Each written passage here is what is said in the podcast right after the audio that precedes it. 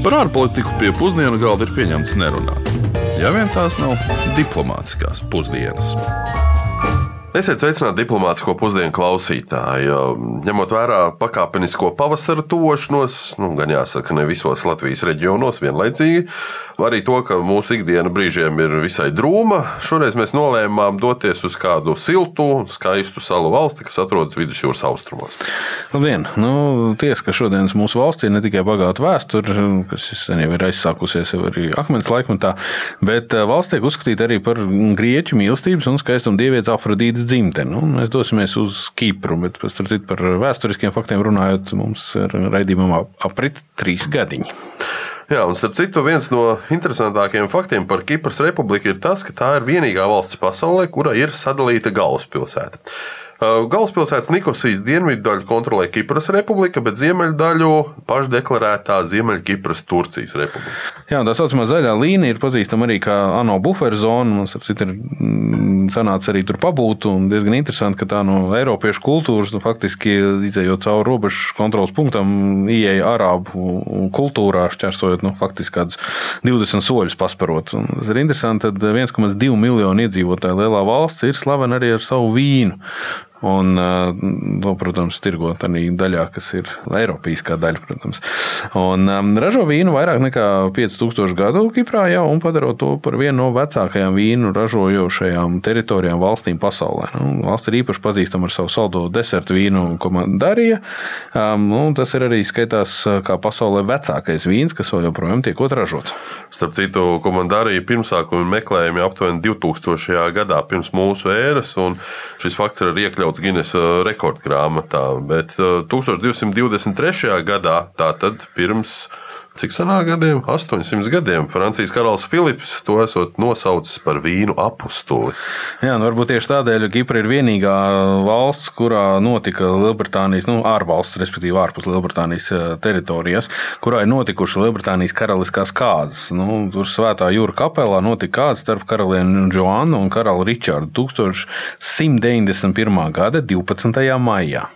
Nu, ļoti iespējams, es atklāšu vēl vienu faktu, kas varētu kalpot arī par iemeslu. Kipra savulaik bija romiešu ģenerāļa Marka Antonija dāvana Eģiptes karalienei Kleopatrai. Savu romantisku attiecību sākuma posmā Marks Antonijs Eģiptes karalienei uzdāvināja šo salu, un Kipra tobrīd bija nozīmīga politiska un arī strateģiska vieta. Bet ko tad Latvijas iedzīvotāji zinās stāstīt par šo valsti? To mūsu kolēģi meklēja un centās uzzināt šeit pat Rīgas ielās. Kas varbūt ir zināms par Kipru? Kipra ir uh, sala Grieķijas. Nē, tikai tas, ka tā ir sala. Kipra ir jā, Eiropas saimnībā, ietilpst sala vidusjūrā. Tā ir, tur ir divas reliģijas, nu, divas tautības. Jā. Neesam bijuši, neesam bijuši nevienā ne otrā pusē aizbrauc. Ar kaut ko mazu, geogrāfiski mazu, saulainu, ar Eirovīziju arī dzen. Sala kaut kur pie Grieķijas. Nu, katrā gadījumā daudz zināmāks kaut kas, bet es neko konkrēti nevaru atbildēt. Man nekāda priekšstata nav ar Spānijas siltumu, ar kaut ko tādu. Jā. Ar vidusjūru arī kaut kas silts atpūta.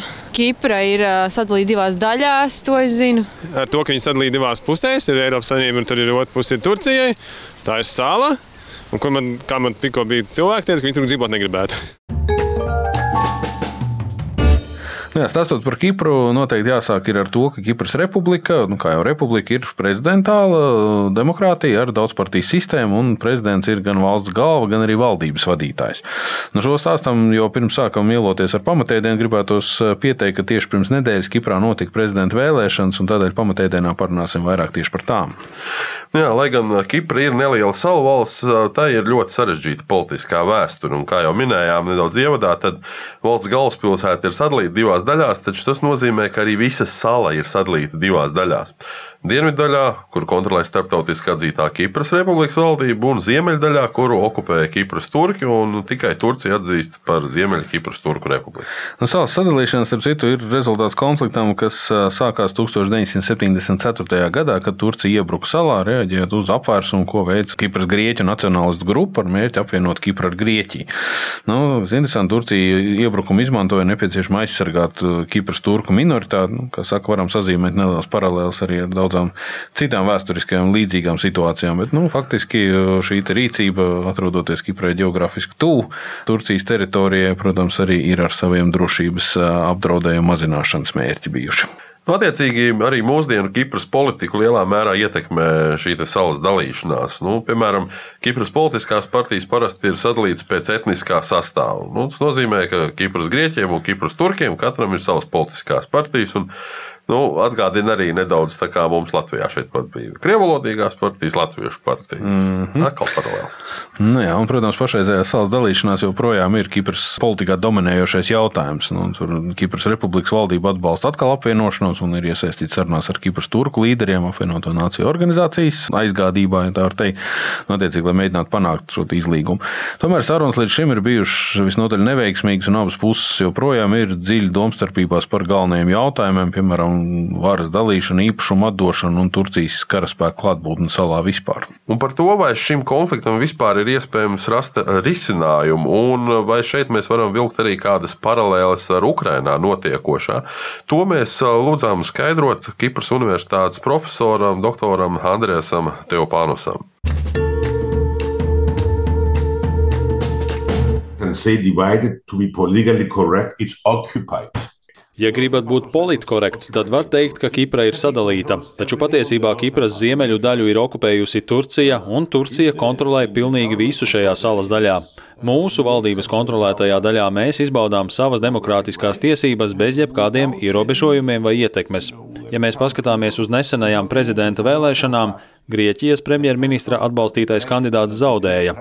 Grieķijas premjers atbalstīja Kristīgo demokrātu partijas demokrātiskā kustība līderi, taču uzvarēja un pārliecinošu tautas atbalstu guva kandidāts, kurš neatbalstīja šīs partijas kopējo uzstādījumu.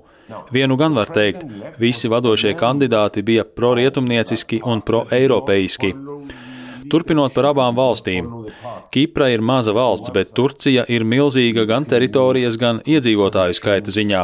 Kipra vienmēr šim jautājumam ir piegājusi pragmatiski un ir neskaitāmas reizes piekāpusies. Taču iemesls, kāpēc abu pušu starpā nav risinājuma, ir Turcijas maksimālistiskā pieeja. Mums ir jautājums, vai Eiropas Savienība un Amerikas Savienotās valstis būtu gatavas izmantot savu ietekmi uz Turciju, lai mēs varētu panākt pragmatisku vienošanos. Pašlaik mēs redzam, ka jūsu reģionā Krievija ir iebrukusi Ukrainā un Eiropas Savienība ir ieviesusi bargas sankcijas, lai palīdzētu Ukrainai visos iespējamos veidos. Kipras gadījumā pret Turciju netika piemērotas nekādas sankcijas, taču Kipras okupētā daļa ir okupēta Eiropas teritorija. Turcijas gadījumā viņi mazgā rokas nevainībā, taču Ukrainas gadījums ir licis cilvēkiem aizdomāties, ka nav labi piekopt dubultos standartus. Iebrukums ir iebrukums un okupācija ir okupācija. Es negribētu būt ne optimistisks, ne pesimistisks. Redzēsim, kā lietas attīstīsies. Taču ar Turciju vienmēr ir grūti tikt galā. Tā ir labas attiecības ar Krieviju, labas attiecības ar Ukrainu, labas attiecības ar ASV, un tas arī viss. Tāpēc arī mēs šeit dzīvojam tādā ļoti sarežģītā reģionā.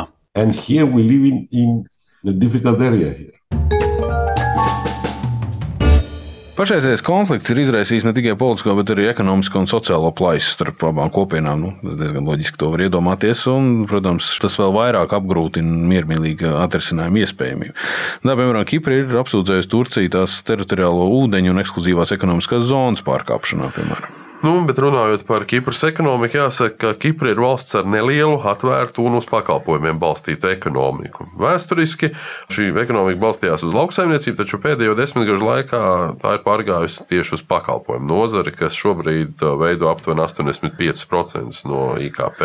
Nu jā, nu, protams, lielākā daļa no tām ir uh, turisma nozare, un tā veido apmēram 20% no iekšzemes koprodukta. Uh, valsts jau sen ir populārs turistu galamērķis Eiropiešiem, ko piesaista savus pludmales pludmales, bagātīgā kultūra un siltais klimats. Arī no sevis varu piebilst, ka salā tiešām izmanto šo afrodītas zīmi, brendu, zīmolu, reklamējot gan afrodītas ūdeņus, gan afrodītas akmeni. Un droši vien sievietes pavelkās, gribot būt skaistas. Vēl viena svarīga Kipras ekonomikas nozare ir kuģniecība, un valstī ir arī sena jūrniecības vēsture, un arī, kā jau minējām, šī strateģiskā atrašanās vieta starp Eiropu, Āziju un Āfriku. Tas viss padara to par ideālu vietu kuģošanai. Valdība ir noteikusi kuģniecības kompānijām labvēlīgu nodokļu režīmu, kas daudzas ir mudinājis reģistrēt savus kuģus Kiprā. Nu, Starp citu, Kipras senatnē bija arī nozīmīgs vara ražošana ražošanas centrs, un arī pats nosaukums ir cēlies no grieķu vārda varš, kas nozīmē Kipros. Jā, valstī bija arī savdabīgi regulēta finanšu sistēma. Tās nodokļu režīms piesaistīja daudz ārvalstu investoru, kas vēlējās dibināt ārvalstu uzņēmumus. Nu, iemesls tam bija tas, ka Kipra ilgu laiku bija nodokļu paradīze un uh, piekopa dažādākos uh, prakses, lai tikai piesaistītu ekonomikai finanses no nozarēm, kas vēlējās nu, izvairīties no nodokļu nomaksas vai pat uh, atklāt krāpnieciskos gadījumos. Nu, nozara pēdējos gados saskārusies ar izaicinājumiem, nu, galvenokārt, protams, kā mēs atceramies, 2013. gada banku krīze dēļ radīja ievērojams zaudējumus noguldītājiem. Tas ir interesanti, ka Kipra tajā brīdī meklēja palīdzību daudz kur, gan Eiropas Savienībā, gan arī bija cerība, ka tajā brīdī draudzīgā Krievija varētu palīdzēt. Bet nu, tas bija faktiski Vladimira Putina lēmums, ka nekādu Kipru neglābšu, neskatoties uz to, ka faktiski ļoti daudzi Krievijas bagātnieki bija savus līdzekļus, un ieskaitot arī ierēdniecību, bija savus līdzekļus slēpuši Kiprā. Un, lai cik tas nebūtu paradoxāli, Kipra ilgu laiku bija arī lielākais investors pašā Krievijā, ārvalstu investors pašā Krievijā.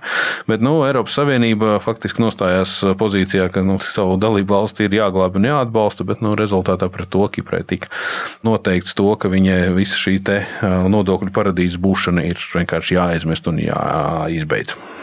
Nu jā, kopumā, neskatoties uz savu nelielo izmēru, Kipras ekonomika ir ar augstiem ienākumiem, labi izglītotiem cilvēkiem, arī, kā jau minējām, strateģisko atrašanās vietu. Un tādēļ valsts IKP uz vienu iedzīvotāju ir 44,000 eiro.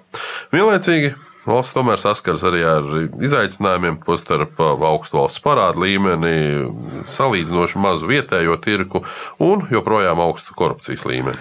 Nu jā, nu, valdība ir mēģinājusi visas problēmas, protams, risināt kā katrā valstī un ieviesusi virkni politiku, cenšoties dažādot valsts ekonomiku un piesaistīt vairāk ārvalstu investīcijas ne tikai finanšu sektorā, bet reālā ekonomikā. Lai cik būtu paēdis, vienmēr ir vieta arī desertam. Bet tagad pienācis laiks arī desertam, un uh, šīs dienas raidījuma desertā gribētos parunāt par pūkainiem, brīvdomājošiem dzīvniekiem, īsāk sakot, par pasaules valdniekiem kaķiem. Jā, suņi, suņi cilvēki noteikti tev iebildīs par šo. Jā, neskatoties to, ka Kipra ir pazīstama ar daudzām lietām, tostarp arī satriecošajām pludmalēm, bagāto vēsturi, skaistu arhitektūru, Kipru bieži vien dēvēja par kaķu valsts, katra kaķu pilsēta. Izskaidrojums meklējums tajā, ka uz salas mīt daudzi kaķi, kas ir būtiski Kipras vēstures un kultūras sastāvdaļa. Nu, kaķu vēsture Kiprā aizsākās senos laikos, un, kā mēs zinām, eģiptieši pielūdza kaķus un uzskatīja, ka tiem piemīt maģiskas spējas. Nu, tiek uzskatīts, ka tieši eģiptieši ir ieveda kaķus Kiprā, kur tie ātri kļuva populāri, pateicoties spējai atturēt grauzējus.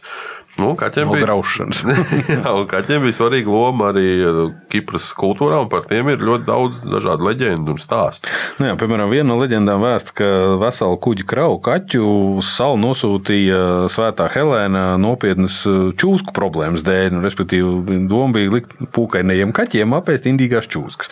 Bet, acīm redzot, viņiem tik ļoti patika Kipra, ka kaķi nolēma Kipru ne tikai nepamest, bet arī apmesties uz pastāvīgu dzīvi. Sadzīvo kopā ar čūskām.